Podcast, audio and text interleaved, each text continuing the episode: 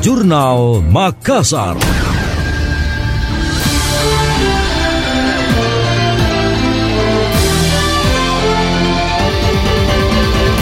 Beragam kegiatan dan lomba akan disajikan dalam rangka menyambut peringatan Hari Ibu di Kota Makassar pada 22 Desember 2022 mendatang. Salah satunya hitanan massal yang bakal diikuti ribuan anak secara serentak. Wakil Wali Kota Makassar Fatmawati Rusdi mengatakan hitanan massal ini awalnya ditujuan agar bisa memecahkan rekor muri dengan target 3.000 peserta. Namun jumlah peserta sejauh ini hanya 1.200 anak.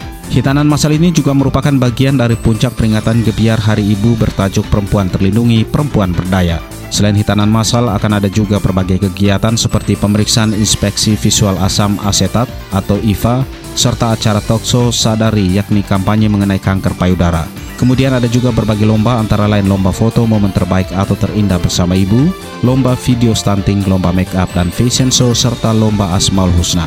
Sementara Kepala Dinas Pemberdayaan Perempuan dan Anak Makassar, Aci Soleman mengatakan hitanan masal itu akan dilaksanakan secara terpisah di masing-masing puskesmas di 15 kecamatan. Hitanan masal ini dilaksanakan secara gratis. Wali Kota Makassar Rani Pomanto secara langsung memaparkan Makassar menuju kota dunia dalam pertemuan yang bertajuk Planning Smart Residential City, Smart Transportation City di Moru Office, Singapura. Pada hari kedua event Capacity Building Temasek Foundation di Singapura ini, Pemkot Makassar juga mendapat kesempatan berharga karena bisa berdiskusi dengan arsitek dan planner ternama Singapura Mr. Liu Taiker. Dani mempresentasikan peta kota Makassar khususnya mengenai zona ekonomi, seperti Newport, Pelabuhan Baru Makassar, yang dianggap sudah sama bagusnya dengan Pelabuhan Tanjung Pagar Singapura. Dia bersama 20 ASN Pemkot juga banyak berdiskusi dan bercengkrama dengan legenda pembangunan Singapura ini. Salah satunya Dani meminta Mr. Liu menjelaskan bagaimana konsep pembangunan di Singapura.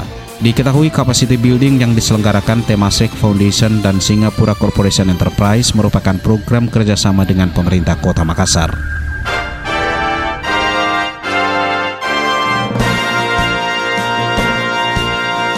Demikian tadi, Jurnal Makassar.